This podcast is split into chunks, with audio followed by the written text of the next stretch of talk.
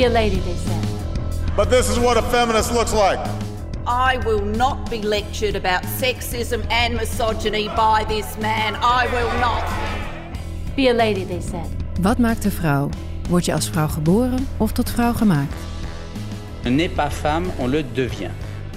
Ben je vrij te worden wie je bent? Ik vraag het topvrouwen, actrices, politici, wetenschappers, vrouwen die succesvol zijn en vrij, maar leven in een wereld die is ingericht door en voor mannen. Be a lady, they said. That word feminist is so heavy with baggage. Een wereld waarin het feminisme nog altijd nodig is. Welkom bij Wolf. Een boek over moederschap kan over veel dingen gaan. Toen ik zwanger was, gingen ze vooral over thuisbevallen en borstvoeding. De laatste tijd gaan ze steeds vaker ook over de rauwe randjes van het moederlijk bestaan. De moeheid, de buikstriemen, de spagaat waar je je ineens in bevindt tussen zorg en werk. Maar zelden gaan ze over woede. Toen Jante Mosselman een baby kreeg, werd ze overvallen door woede. Niet zomaar een beetje irritatie, nee, niets ontziende, ziedende razernij. Om haar vriend die vergat de flesjes te steriliseren, om de barman die een opmerking over haar kinderwagen maakte, om collega's die de vergadering niet om vijf uur stopten. In het boek Al die liefde en woede onderzoekt ze waar die woede vandaan komt. En daarmee boort ze een diepere laag aan, waar het niet gaat over moeder zijn, maar over vrouw zijn. En de woede die daar onlosmakelijk mee verbonden is, of zou moeten zijn. Het zette mij aan het denken. Over mijn eigen woede, over waarom ik die zo weinig heb gevoeld, of in elk geval heb geuit. En ineens begreep ik meer waarom mijn moeder zo hard en gefrustreerd kon zijn. Ik had altijd gedacht dat dat door mij kwam, dat ze mij niet had willen krijgen, maar liever een ander kind. Maar toen ik Jantes boek las, bedacht ik ineens dat er nog een andere optie was. Misschien was ze niet boos op mij, maar op het leven. Op haar positie als vrouw en de weinige autonomie die ze voelde om een individu te zijn. Ze kan mijn vermoeden helaas niet bevestigen, want ze is er niet meer. Maar als ik terugkijk naar hoe ik mij voelde toen ik elf jaar geleden mijn dochter kreeg, dan herinner ik me een beklemmend gevoel dat ik toen niet kon thuisbrengen. Een gevoel van onzekerheid, van angst, schaamte. Ik las er nergens over in de boeken over moederschap. Maar nu ik Jantes boek heb gelezen, denk ik, misschien was ik gewoon boos. Jante, welkom. Dankjewel. Om te beginnen wil ik jou graag een vraag stellen die ik al mijn gasten als eerste stel. En dat is, waar, wanneer ben jij feminist geworden? Ja, ik zat erover na te denken. Het exacte moment kan ik me niet meer helemaal herinneren. Maar ik was laatst bij mijn ouders thuis, uh, in mijn oude uh, meisjeskamer. Die geel met roze was geverfd. Ik heb geen idee waarom, echt ontzettend lelijk. En daar hing een prikbord. En op dat prikbord hing een stuk, wat ik toen kennelijk al toen ik 15 of 16 uh, was, had uitgeknipt. En dat de kop daarvan was tegen de Jaratel-filosofie hoerige lingerie helpt de emancipatie helemaal niet. Oh, interessant. Dat was een stuk van Stine Jensen, waarin zij zich eigenlijk een beetje keerde tegen uh, dat feminisme wat toen uh, wel uh, ja, gangbaar was of wel in was van Helene van Rooyen en Marlies mm. Dekkers. Dus heel erg een soort van je eigen seksualiteit omarmen. En Stine Jensen had daar een stuk tegen geschreven. En daar was ik het denk ik roerend mee eens. Ik weet het niet zo goed meer. Maar dus het heeft me wel al vanaf dat ik jong was bezig gehouden. Mhm. Um, en ik denk dat dat ook wel kwam doordat ik op de middelbare school. Uh, ik had wel veel vriendjes en ik zoende ook wel, nou ja, met jongens. Um, en ik merkte toch wel dat dat eigenlijk, nou ja, dat, daar gewoon, dat je als meisje gewoon anders behandeld wordt als je dat doet dan als een jongen. Ja. Dus dat wakkerde mijn uh, um, nou ja, streven voor gelijkheid op dat vlak wel aan. Ja, oh, wat grappig dat je dat nog kunt herinneren. En kun je ook nog herinneren um, of, je, of, je, of je jezelf als strijdbaar voelde en feminist voelde, of dat, dat je meer zag, hé, hey, er is hier iets anders gaande? Ik was denk ik wel strijdbaar. Maar feminist, dat woord. Dat woord kennen je eigenlijk. Dat was er nog niet zo volgens mij. Of althans, nee. het was natuurlijk wel. Maar nu jaren 90? Jaren 90, ja. ja. Wat echt, als je er over nadenkt. Toen was er eigenlijk even een dipje in feminisme. Ja, en echt een giftig, echt giftig klimaat voor meisjes. Wat toen heel erg in was, was die anorexia-mode. Ja, de grunge-mode. Uh, Britney Spears, Spice Girls was heel uh, geseksualiseerd. Ja. Dus dat, dat begon toen een beetje. Begon toen, hè? ja. ja. Ja, dus eigenlijk tijdens mijn tienerjaren was dat echt. Uh... En, en merkte je dat dat van invloed was op hoe jij naar jezelf keek, bijvoorbeeld? Ja, Ik heb mezelf eigenlijk altijd eh, te dik gevonden. Echt? Ja. Begon dat toen? Eh, Ja. Omdat ik gewoon nooit zo, zeg maar zeker niet vanaf dat ik 15 werd en alles zo met die hormonen alle kanten op ging. Dat dat, eh, ja, dan merk je gewoon meteen, je ziet er niet uit als eigenlijk alle meisjes plaatjes. op tv, Hmm. in tijdschriften, eh, je lievelingspopsterren. Je ziet er gewoon echt anders uit. Dat vond ik wel heftig. En ik had ook krullen. Ik wilde altijd stelhaar. Dat is niet zo heel belangrijk. Maar ehm. Dus je ik merkte wel dat je uiterlijk- had. Ja, je uiterlijk, daar, daar was je onzeker over. Ja. En kreeg je ook te horen dat je, daar, dat je dik was of dat je niet... eh, Nee, ja, helemaal niet. Nee, dus het was echt iets wat je zelf Ja, echt jezelf op basis van wat je zag in de, in de boeken. Ja, Ja, herkenbaar. ja, Hey, ehm, je hebt nu een boek geschreven over moederschap. ja. Al die liefde en woede. Prachtig boek.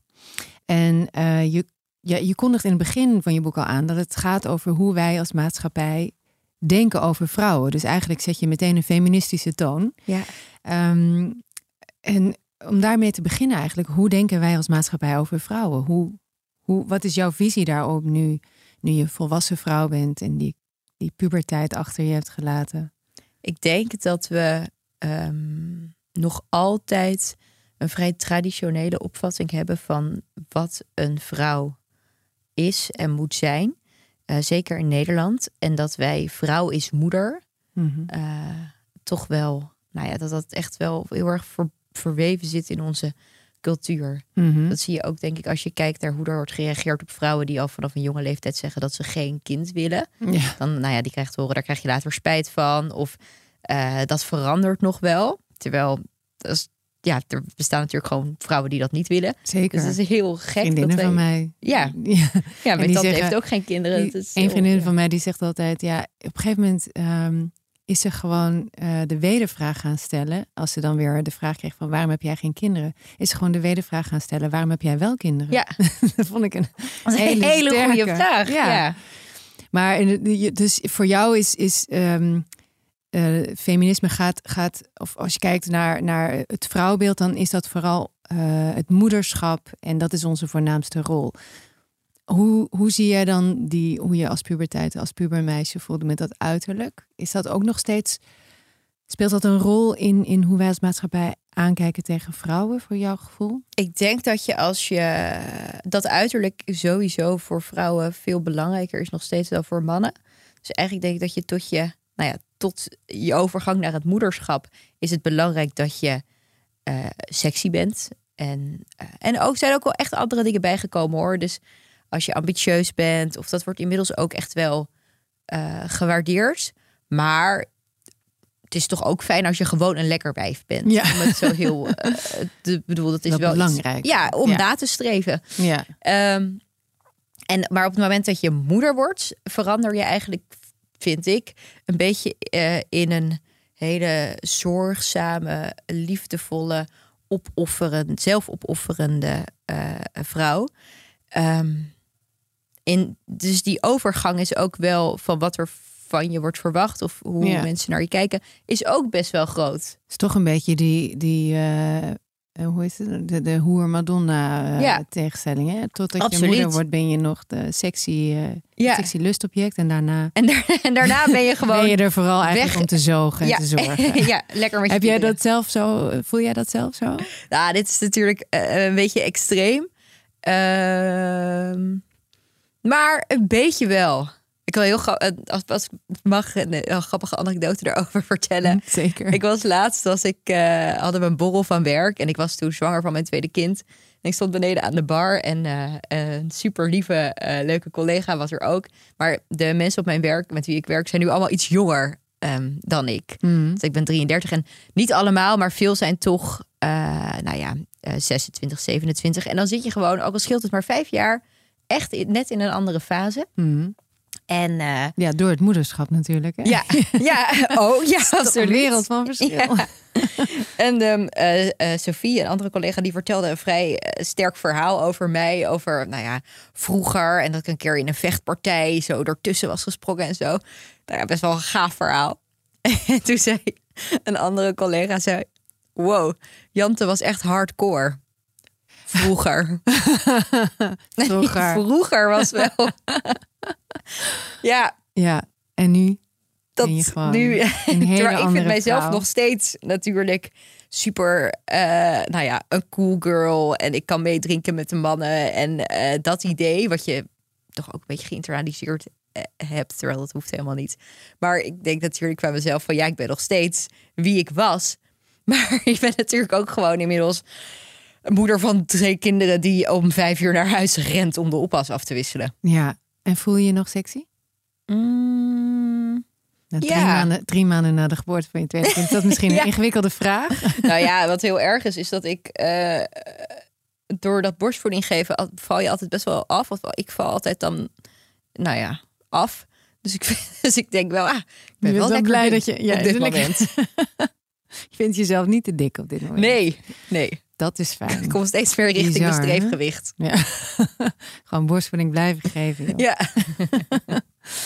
Hey, ehm, je schrijft in je boek ehm, ook over eh, hoe dan de maatschappij tegen moeders aankijkt. En ik wil even een, een, eh, een quote citeren.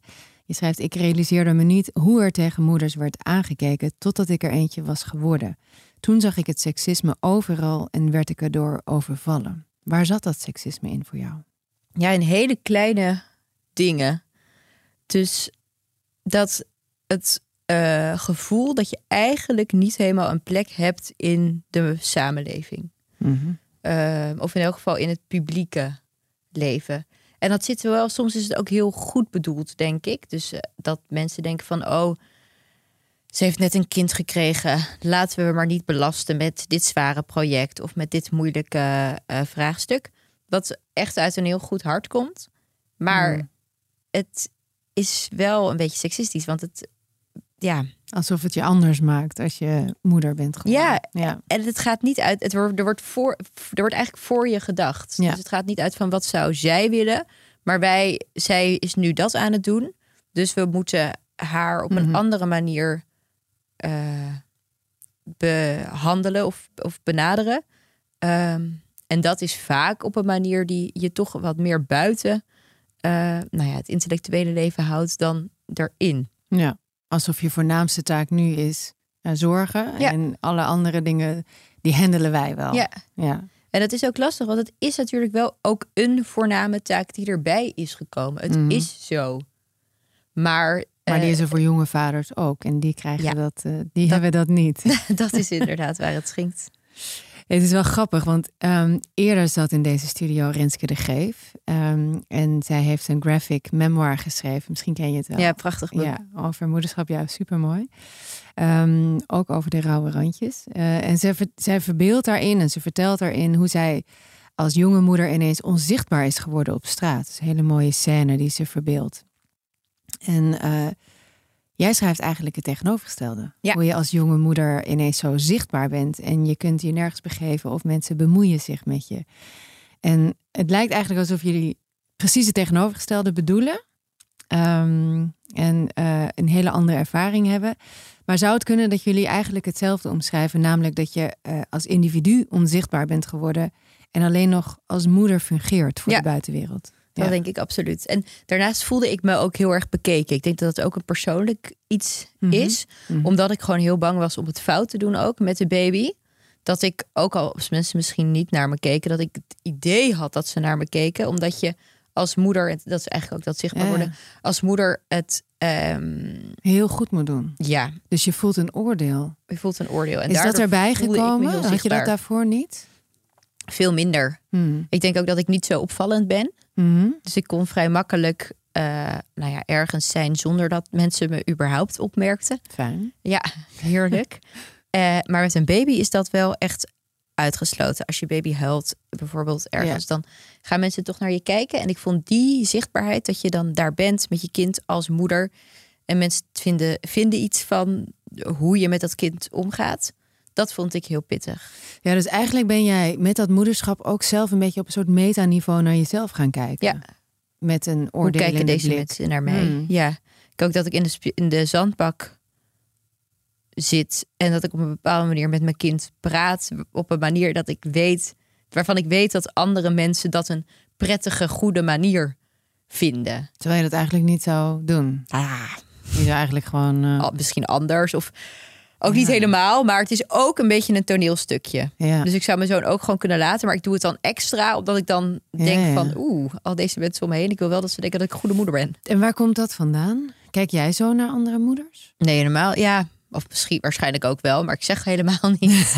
Het kwam er heel snel uit. Ehm, ik denk omdat het je toch vanaf jonge leeftijd wordt verteld, of nou ja, dat je vanaf jonge leeftijd het beeld meekrijgt dat als je moeder wordt, dan is dat het belangrijkste wat jij gaat doen.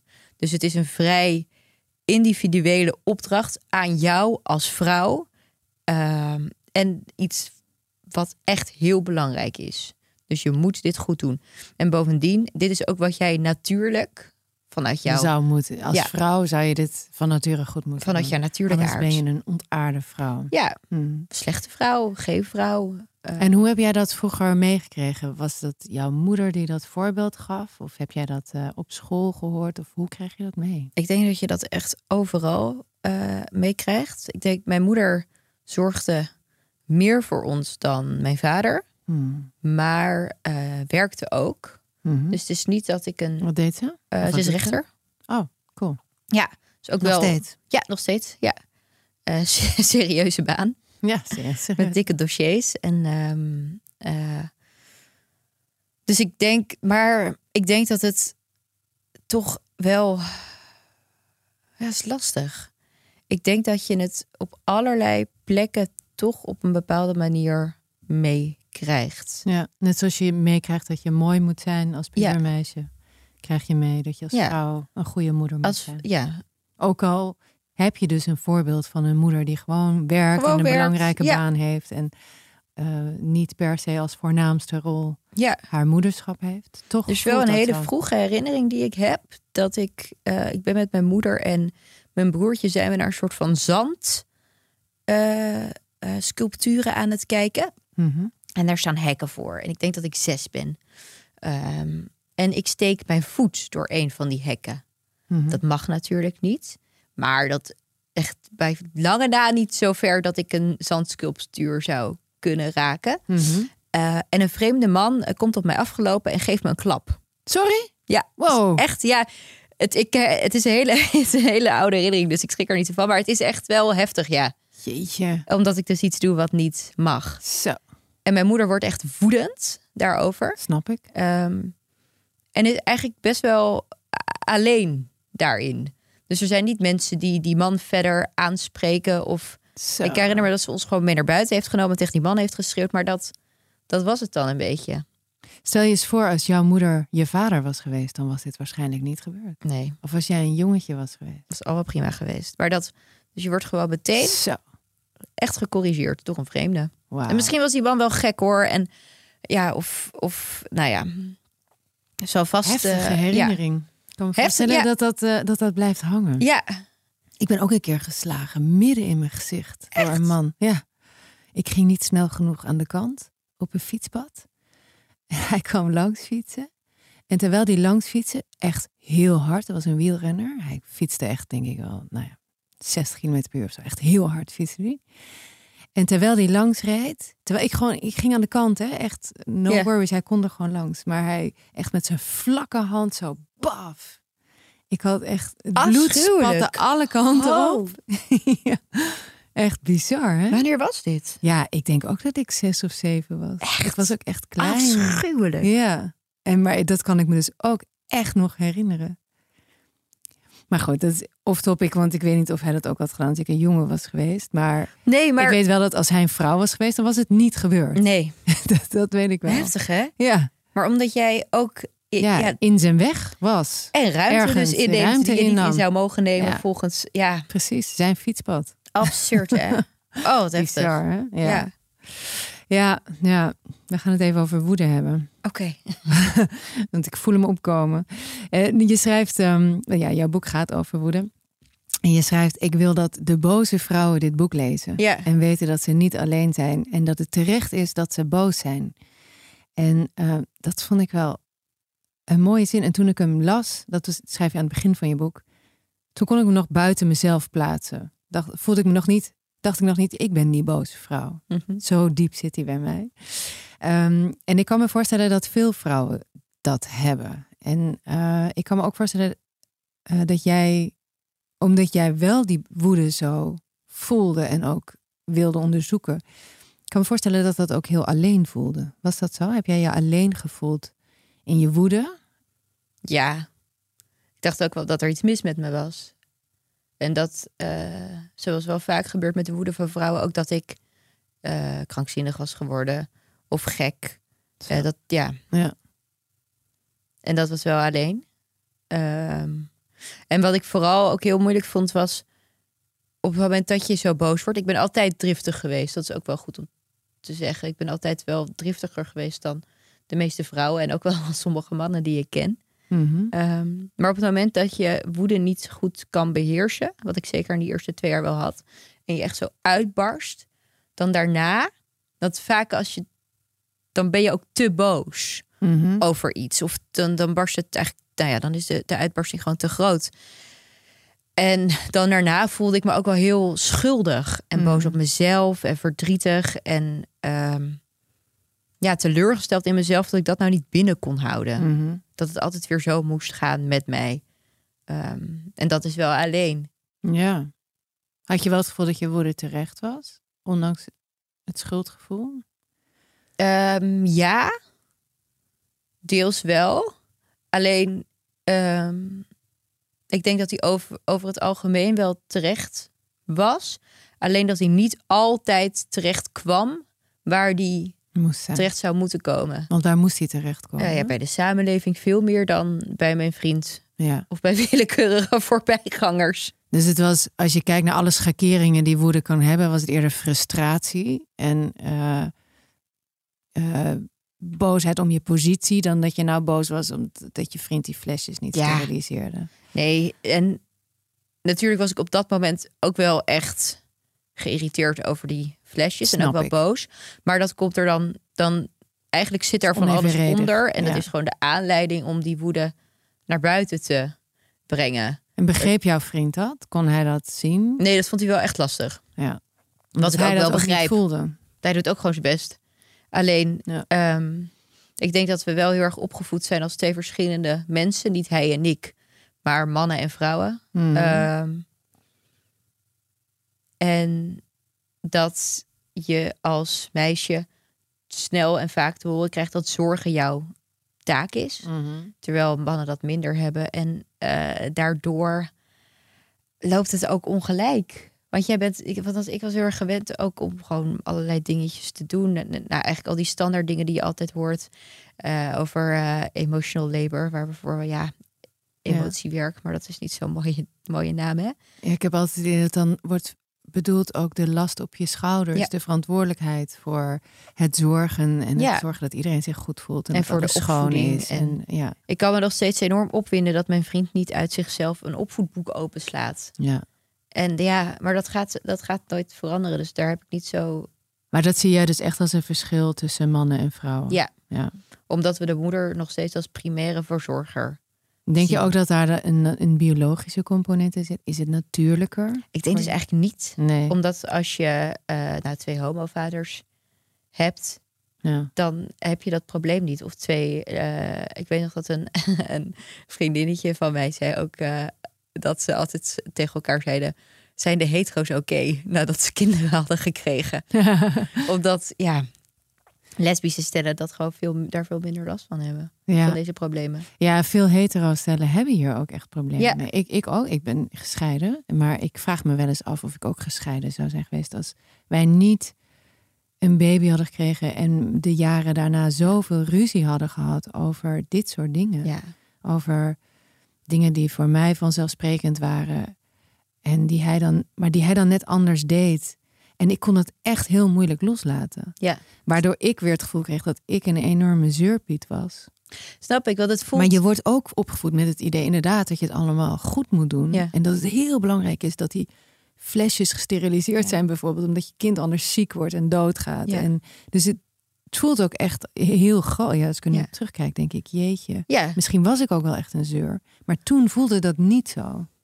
toen voelde dat echt gewoon als heel stressvol. Ja, en ook eh, wat ik voel daarin, dat het echt disrespectvol is als iemand niet dan die dingen doet zoals jij wil dat ze uh, gebeuren. Wat een beetje gek is.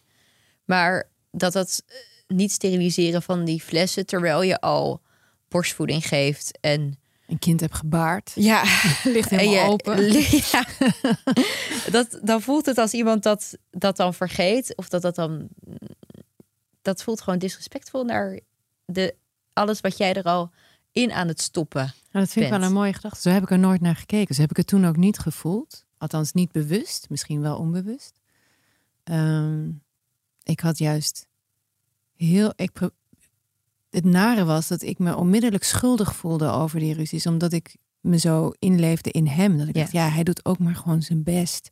En hij, hij heeft hier nu de hele tijd een mopperende vrouw thuis... die de hele tijd op hem zit te letten. En bij elke luier die verschoont aanmerkingen heeft. En hoe vervelend moet dat voor hem zijn. Daar was ik heel erg mee bezig. Maar het is eigenlijk ook een soort verplaatsen van... Ja. Of nou, ja, de woede komt dan niet terecht waar hij terecht moet komen. Die slaat gewoon naar binnen. Ja. Dat is natuurlijk waar mijn... Ja, dat was het, denk ik. Ja, kan ik me wel voorstellen. Het is fijn dat bij jou het gewoon nou, ja, ik ben gewoon naar wat buiten minder, wat minder empathisch. dat heeft denk ik voor- en nadelen. Nou ja, ik denk dat dit heel gezond is. Wat jij, wat jij zegt klopt denk ik heel erg. Woede uh, moet terechtkomen daar waar die terecht moet komen. Ja. Dat heeft Juri een keer tegen mij gezegd. Omdat zijn moeder dat tegen hem had gezegd. Juri, mijn uh, baas. Juri al een goede vriend. Ja. En ik vond dat echt... Uh, dat was wel een nou ja, ook wel echt een reden om dit boek te gaan schrijven, zodat die woede dan ergens heen kon. Ja. En niet. Snap ik. Ja. Heeft het schrijven je daar ook bij geholpen? Ja, enorm. Bij, ja. Het is gewoon heel dus lekker om als je. Het plaatsen van de woede waar die moet, ja. moet zijn. Ja. Als, er, als er zoiets, als er iets gebeurt wat me gewoon heel boos maakt, is gewoon heel lekker om meteen zo gemeen mogelijk op te schrijven. dat heb ik echt niet allemaal in dat boek. Als je, nou ja. Had je dan altijd een notitieboekje bij dat je meteen bij een woede aanval? Ja, die telefoon heeft natuurlijk je notities. Oh, ja, ja, notities. Af en toe lees ik ook wel eens terug en dan denk ik, oh jeetje.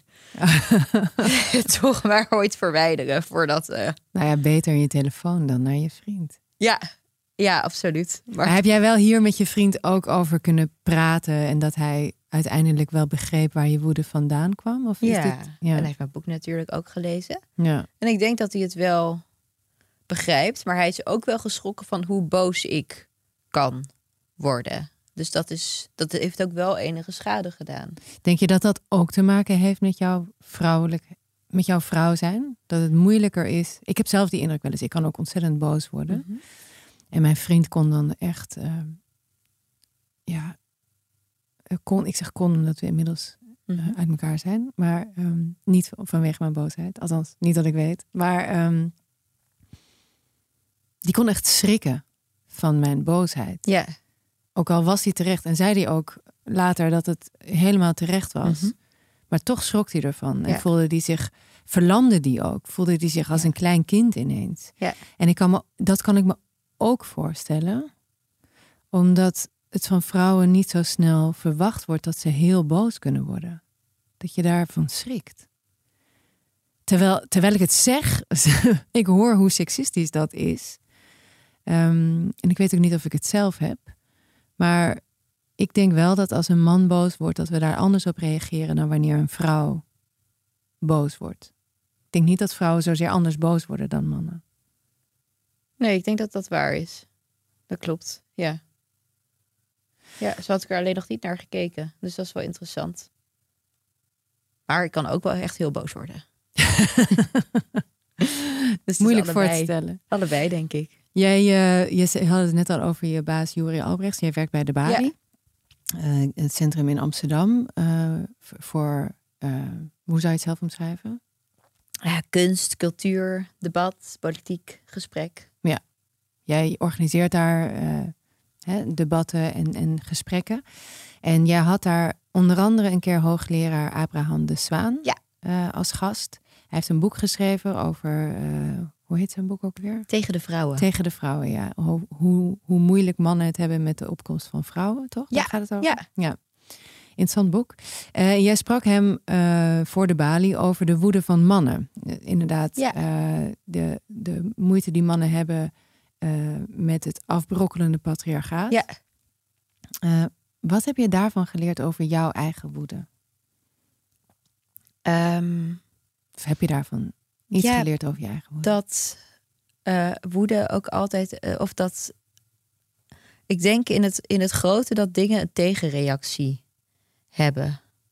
Mhm. Dus ehm, hij zegt heel erg, dus ook die hele conservatieve mannen en die, eh, dus en aan allebei de kanten van het spectrum. Dus hij ziet zowel die jihadis als die alt-right en extreem rechts Mhm. Als een, een eh, tegenreactie op de emancipatie van vrouwen. Dus dat mannen, mannen zijn eigenlijk niet bereid om hun verworvenheden en privileges op te geven. En eh, keren zich dus, nou ja, proberen die vrouwen terug aan het aanrecht eh, te krijgen. En er waren echt twee dingen die ik van dat gesprek heb meegenomen. En één is dat het dus klopt wat ik voel. Mhm. Dus dat als je emancipeert en hetzelfde wil, dat dat op weerstand Mhm. stuit. Dat voel jij. Ja. Mhm. Dus dat. ehm, en het andere ook dat er dan dat er verschillende manieren zijn waarop je daar dan mee om kan gaan. Ik denk dat als samenleving, hij noemt het een, een laatste stuiptrekking van een stervend patriarchaat, wat een Mhm. prachtige zin is. Ik hoop dat hij gelijk heeft, want eh, ja, ik, ik denk het wel, want de opmars van vrouwen is eigenlijk niet meer te stoppen. Mhm. Maar af en toe, als ik nu dan om me heen kijk, dan. mm, nou ja, maak me toch wel zorgen. Ehm, Want wat zie je dan? nou, je ziet bijvoorbeeld met die Andrew Tate. En zijn ideeën. eh, is een eh, eh, YouTuber, Instagrammer, die echt de meest seksistische, walgelijke dingen zegt over vrouwen. En allemaal jonge eh, jongens op de middelbare school krijgen dat dan, eh, nou ja, ook uitgezonden via TikTok en zo. En zijn daar dan toch wel vatbaar voor. En dat zo iemand zoveel invloed kan uitoefenen op die jonge mensen, eh, vind ik wel echt schokkend. Ja, waar staat dat voor, denk je? Mm, Het zijn jonge jongens, hebben nog geen idee eigenlijk van het hele patriarchaat. Dat zeg je? Sorry. Dat zijn jonge jongens, die hebben nog geen idee van wat een patriarchaat is. Dus Nee. staan dat ze bang zijn voor het sterven ervan. Ja, nou, het wordt ook altijd volgens mij met die jongens wel een beetje lacherig eh, eh, ontvangen en niet zo heel serieus. Maar hij zegt bijvoorbeeld dat vrouwen echt bezit zijn en dat soort dingen. Hmm. En dat dat zo bekeken wordt en toch ook wel onderschreven wordt door veel mannen misschien niet bewust, maar ook al voor een klein stukje, is denk ik heel zorgelijk. Zeker. Ja, dat lijkt mij ook. Het is een beetje ook hoe, hoe jij net zei dat je als jonge vrouw allerlei verwachtingen meekrijgt over hoe je als vrouw Mhm. moet zijn. Allerlei ongeschreven regels Mhm. eigenlijk. Zo krijgen jongens natuurlijk ook allerlei ongeschreven regels mee Ja. over wat het betekent om man te zijn. Ja, En dit zijn een paar van die regels. ja Want als een vrouw bezit is, dan moeten zij dus de bezitter zijn. precies. Ja. Moeten zij macht hebben en dominant zijn. Ik denk dat het voor mannen op dit moment of voor- en voor jongens ook heel lastig is. Ehm, in de zin van dat er echt van ze verlangd wordt dat ze een andere rol innemen in de samenleving. Maar dat nog niet zo heel erg gedefinieerd is wat voor rol dat dan zou moeten zijn. Ja, ja, dat klopt. Dat zie ik ook wel. Feminisme heeft natuurlijk voor vrouwen heel veel alternatieven gebracht. Maar die alternatieven zijn er voor mannen eigenlijk nog niet. Nee. Het is een vrij eenduidig beeld van mannelijkheid wat Ja. nog steeds heerst. En waar inderdaad ook eh, ja, bepaalde groeperingen heel erg... eh, dat heel erg gecultiveerd wordt door bepaalde groeperingen. Denk ook inderdaad aan die Thierry Baudet eh, groeperingen. Die, al zijn volgelingen die, die, die hangen ook allemaal zo'n zo'n zo'n beeld van de treadwife aan. Traditionele jaren 50 vrouw die aan het aanrecht staat en voor de kinderen zorgt. Ja, dat, dat zegt niet alleen iets over hoe vrouwen moeten zijn, maar ook over hoe mannen moeten zijn. Ja, dus overigens ehm, helemaal geen natuurlijke verloop van zaken. Moeders hebben altijd, of althans Sarah Bleffer Hardy, eh, primatoloog en antropoloog, die schrijft erover. Die schrijft eigenlijk sinds het begin van onze soort hebben vrouwen gewoon meegedaan. Het, zij noemt dat het, het productieve leven. Dus je hebt het reproductieve en productieve leven.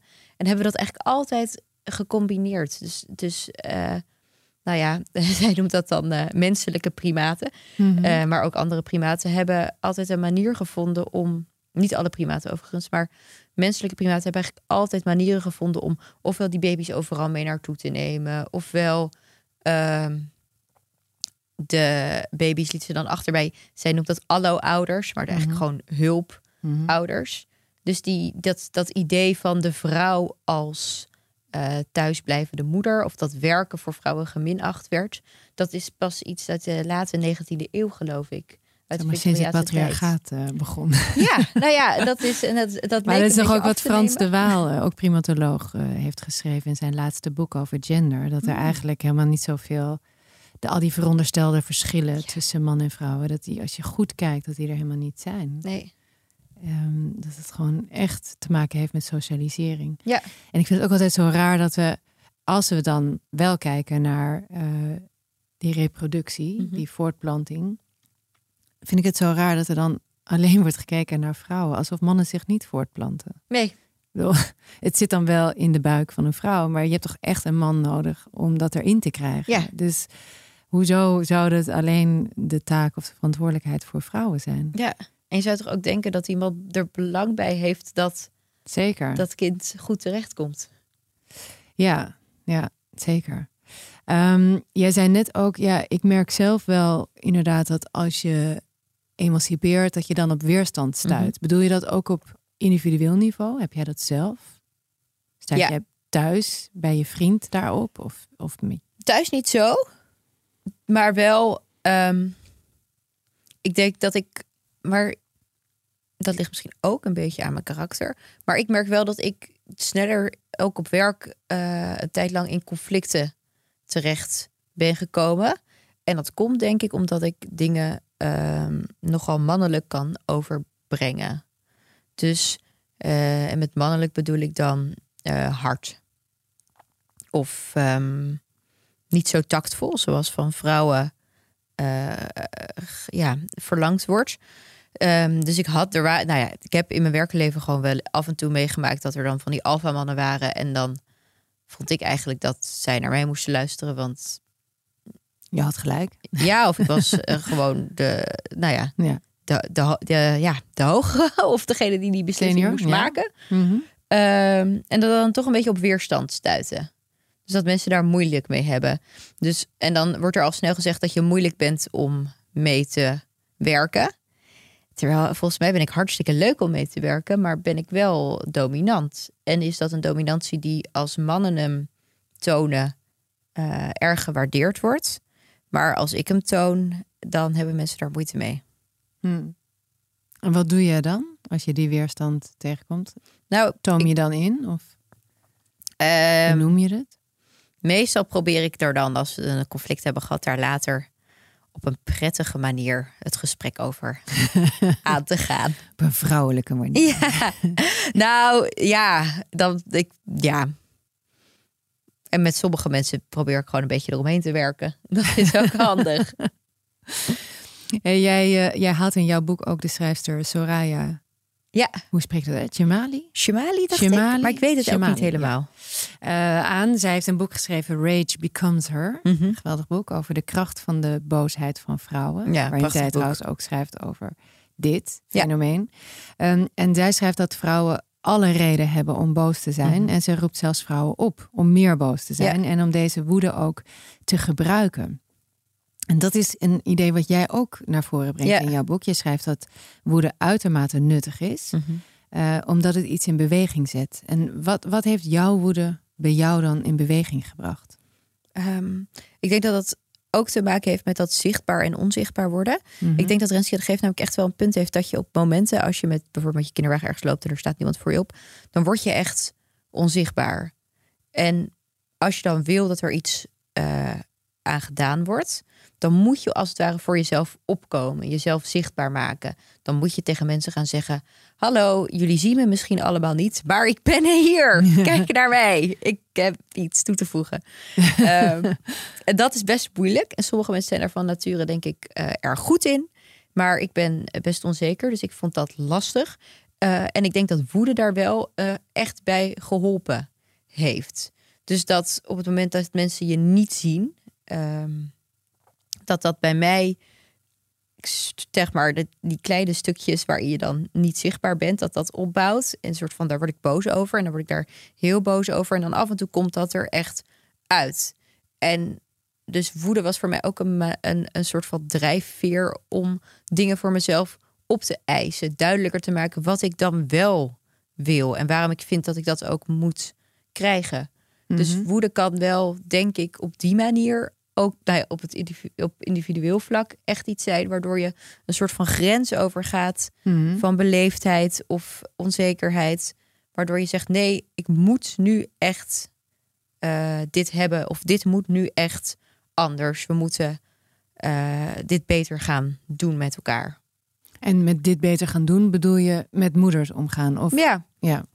ja. En eh, in, in je boek onderzoek je ook hè, waar, die, waar die woede dan vandaan komt. Is dit dan waar die woede vandaan komt? Is de woede dat je niet wordt gezien meer als Jante Mhm. of als vrouw of als, als denkende, denkend wezen en alleen nog maar als zogend, zorgend ja. instrument eigenlijk? ja, het is zo mooi dat ik moet de hele tijd, ik heb toch niet kinderen die naar school gaan, maar ik moet dan de hele tijd denken dat op zeg maar dat je moeders noem je dan altijd worden dan altijd door die kinderen in mijn herinnering moeder van eh, nou ja, eh, moeder van Elio mag ik bij Elio spelen. Ja, Dus je hebt dan op het moment ook helemaal geen eigen naam. Je bent gewoon. Je moeder en dat is voor van. kinderen, voor, voor kinderen natuurlijk, dat is ook heel logisch. Maar dat je alleen nog bestaat uit die relatie met jouw kind Hmm. en niet meer als individu. Dat is wel, ja, dat is wel iets waar ik boos van werd. Is dat ook iets wat je zelf ervaart of waar je in elk geval mee, mee worstelt? Dat je jezelf nu, dat je een rol erbij hebt gekregen en dat je nu ook moeder bent van Elio en nu, hoe heet je tweede zoon? Alexei. Alexei, ja. Alexei. En dat je, dat dat zo veelomvattend is dat je ook in jezelf misschien weinig ruimte voelt voor de Jante die je ook nog was. Ja. Ik denk dat er wel momenten zijn waarop het wringt. Mhm. Ehm, en wat ik het beklemmend vind eraan is de. Ik ben in mijn gedachten niet altijd, maar wel bijna altijd ook met hen bezig. Dus het, het wordt moeilijk. Ik vond het moeilijker geworden om me helemaal op één ding te richten. Mhm. Nu we dit, nu we hierover praten, denk ik. Oh jeetje, ik hoop dat het goed gaat met de baby. Ja, dat want die is drinken thuis. Is, want die Ja, is nu thuis bij met mijn moeder. moeder. En Ja. dus het is, altijd, het is altijd een soort van iets in je achterhoofd, waardoor het ook wel voor mij, eerst heb ik dat heel erg ontkend, maar toch iets lastiger geworden is om me echt op iets heel anders te richten. Dus ik denk dat die identiteiten soms wel met elkaar wringen. Ja. En wat bij mij ook wel zo was, was dat ik denk dat de, nou, die Jante die ik was voordat ik kinderen kreeg en de Jante die ik ben als moeder, dat die werelden echt wel ver uit elkaar liggen. Dus het, de, eh, de wereld van mijn werk en van de Bali en van het maken van die programma's, dat is best wel een onveilige eh, wereld. Het publieke debat is best wel hard Mhm. eh, op een podium staan is altijd gevaarlijk, niet levensbedreigend. Maar zo'n zaal Hmm. die ook boos op je kan worden, dat kan best wel eh, spannend zijn. Ik krijg er altijd veel adrenaline van. Ik ben voordat ik eh, iets moet modereren, kan ik me ook echt wel ziek voelen. Zeker als, het, als er iets op het spel staat. Dus dat is een. En, dat, en daarna is het natuurlijk afgelopen. Is er altijd nog een discussie aan de bar met veel drank. Het, die wereld is heel anders dan Hmm. eh, nou ja, de wereld waarin ik op een kleed zit, eh, Duplo te bouwen de hele dag. Ja. Dus het verschil tussen die Ja. twee. Dus ik kan me voorstellen dat als je een wat, wat rustigere aard hebt misschien. Of, en eh, het prettig vindt om... Ik hou ook heel erg van tuinieren en van mijn huis op orde hebben. Maar, maar als, dat, als je dat, dat niet dat verlangen hebt naar dat werken in zo'n... ik wil zeggen onveilig, maar dat is misschien niet het helemaal het goede woord. Maar zo'n, nou ja, adrenaline gerichte werkplek. Dan, is ook niet helemaal goed omschreven, maar je begrijpt wat ik Hmm, bedoel. zeker. Dan, als je dat niet zo hebt, dan denk ik dat, het, dat de overgang tussen wie je bent en wie je wordt misschien wat kleiner is. Ja. Maar bij mij was die gewoon groot. Ja, snap ik wel. Ik herken dat wel. En ik, ik, ik geloof dat ik mezelf ook wel betrapte op die blik van de buitenwereld hierin. Dus Ja. dat ik ook moeite had met ehm, die twee met elkaar verenigen, omdat ik voelde, of althans, ik meende een oordeel te voelen van de buitenwereld daarin. Ik Ja. heb nu een baby, dus dat moet nu het allerbelangrijkste zijn in de wereld. Terwijl ik vind mijn werk ook echt heel belangrijk. En ik kan daar echt heel erg van genieten. En hoe ouder mijn dochter wordt, hoe groter ook weer die rol wordt, die plek wordt, die werk inneemt. Niet alleen in mijn dagelijkse bestaan, maar ook in mijn hoofd en in mijn hart. Ja. Maar terwijl ik het zeg en terwijl ik het denk, voel ik me daar schuldig over. Maar het is niet mijn schuldgevoel. Ik voel me oprecht niet authentiek schuldig hierover. Want ik geloof niet dat ik iets verkeerd doe. Maar ik voel me schuldig omdat ik denk dat ik me schuldig moet voelen. Ja. Daarover. Herken je dat? Ja, enorm. Dat je. Het is gewoon een geïnternaliseerde. Ja, en dat je denkt dat ehm, je eigenlijk niet op je werk zou moeten zijn. Omdat dat jij dat het slecht is dat je Ja. je kind hebt achtergelaten. eh, of zoveel achterlaat bij de oppas of bij de kinderopvang. Terwijl ik dat helemaal niet slecht vind. Nee, maar het is niet gek dat we dat denken. Er is zo'n onderzoek over opvattingen over eh, hoeveel ouders moeten werken. En daarin is dat de, nou ja, daarin wordt geschreven dat 80% van de Nederlanders vindt dat een moeder met jonge kinderen eigenlijk niet meer dan drie dagen in de week zou moeten werken. 60% vindt dat dat eigenlijk niet meer dan twee dagen zou moeten zijn. Dan ben ik voor 80% ben ik een ontaarde moeder. Ja, is Dus- niet te geloven. Nee. Maar eh, nog even los van de hoeveelheid. Ik heb ook het gevoel dat je er niet van mag genieten. Nee. Je mag gewoon niet eh, als vrouw je werk gewoon echt heel erg leuk en belangrijk vinden. niet belangrijker dan je kind in elk geval. Nee. En bij mij eh, vechten ze soms. Soms gaat mijn werk voor. Laat ik Ja, het zo zeggen. soms wel, toch? Ja. Ja. En dat is. En soms, je- soms is je kind belangrijker. ja. Maar als je weet dat je kind in goede handen is, Ja, dan zie ik niet, oprecht niet, wat er mis is. Nee. Met gewoon genieten van je werk en daar al je aandacht en energie. Zelfs je telefoon gewoon uitzetten. Ja. Omdat je weet, oh, maar mijn dochter is nu bij haar vader, alles is goed. Ja. Ik kan me even helemaal storten op schrijven of op wat dan ook. ja. Het is ook wel interessant omdat we dus die belangrijkheid kennelijk ook zien. Of althans dat ik die zie in een. Geuit in een soort van aanwezigheid van mij bij het kind. Ja, Terwijl als ik weet dat het kind in goede handen is, dan is er helemaal geen strijd in wat voorgaat. nee, precies. Nee. Maar dat voorgaat uitzicht dan kennelijk in een waar je bent fysiek. Ja, maar ook waar je met je hoofd en je hart Ja. bent. Ja, ook. Dus Ja. het is ook echt een, een kolonisatie van je mind Ja. hierin. Sorry voor het Engels. Nee, ja. ik kwam weer. Ehm, ja, en ik heb toch niet het gevoel dat dat voor mannen zo geldt. Nee. Absoluut niet. Ja, Nee. Maar die worden En ik natuurlijk weet ook niet hoeveel tekort we mannen daarmee doen. eh, maar Nee.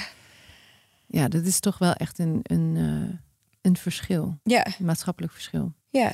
En hun, hun eh, taak of hun traditionele, de traditionele opvatting van wat een man moet doen voor het kind is natuurlijk ook eh, eh, geld verdienen. Ja, Dus het, on- het gezin ja. onderhouden. Dus bij Waar ook weer heel veel druk bij komt kijken. Ja. Ja. Ja.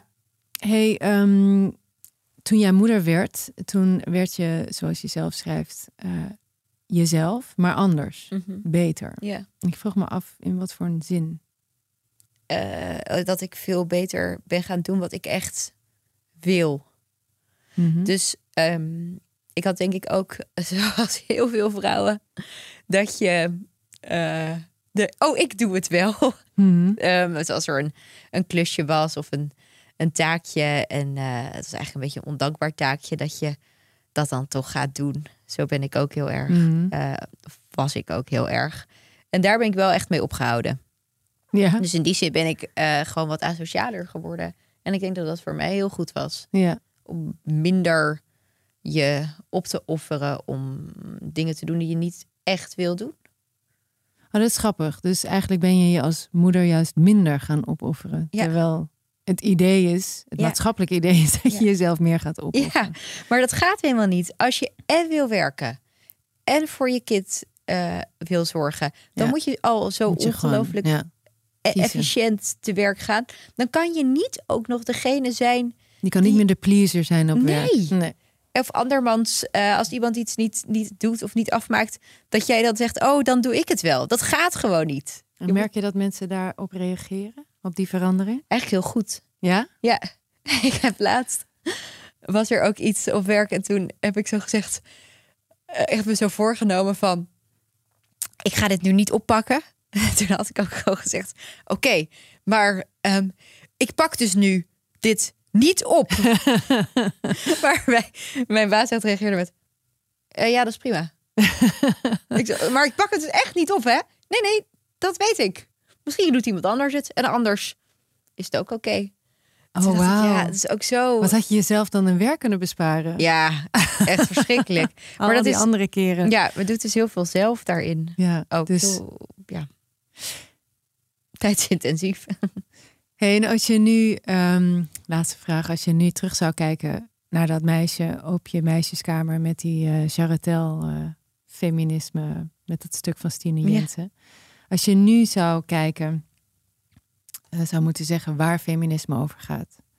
Zou dat dan dat zijn of zou dat iets anders zijn?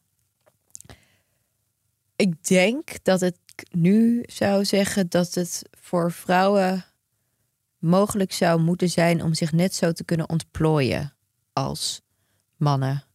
En ik heb net dat boek van Orna Donat gelezen. Dat heet Spijt van het moederschap. En zij zegt, schrijft daarin wel iets wat me echt aan het denken heeft gezet over dat op het moment dat we eh, dat vrouwen geen eh, moeder willen worden, dat we dan van ze verwachten eh, dat ze dan een hele rijke carrière nastreven.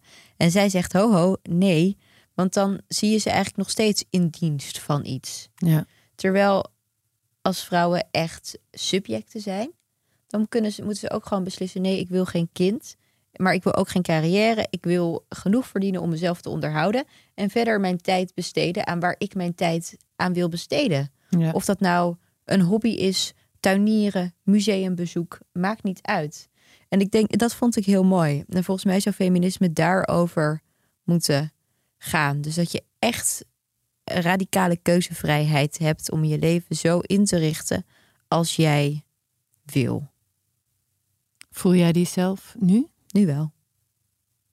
Nog steeds zijn er kleine dingen die je natuurlijk tegenhouden. Mhm. En ik zit nu in die situatie waarin we nog niet echt een schema hebben en ik borstvoeding geef op verzoek. Dus, So much voor de keuzevrijheid. maar eh, in de grote lijnen echt wel. Dat ik echt kan doen wat ik wil. En, ehm, en dat, is enorm, eh, eh, dat is een enorm voorrecht. Ehm, maar ook wel iets waar ik mijn hart voor heb ingezet. Ja, en wat is niet zonder die moeite lukt? Nee, het gaat niet zonder strijd, denk ik. Nee, dankjewel. Jij bedankt.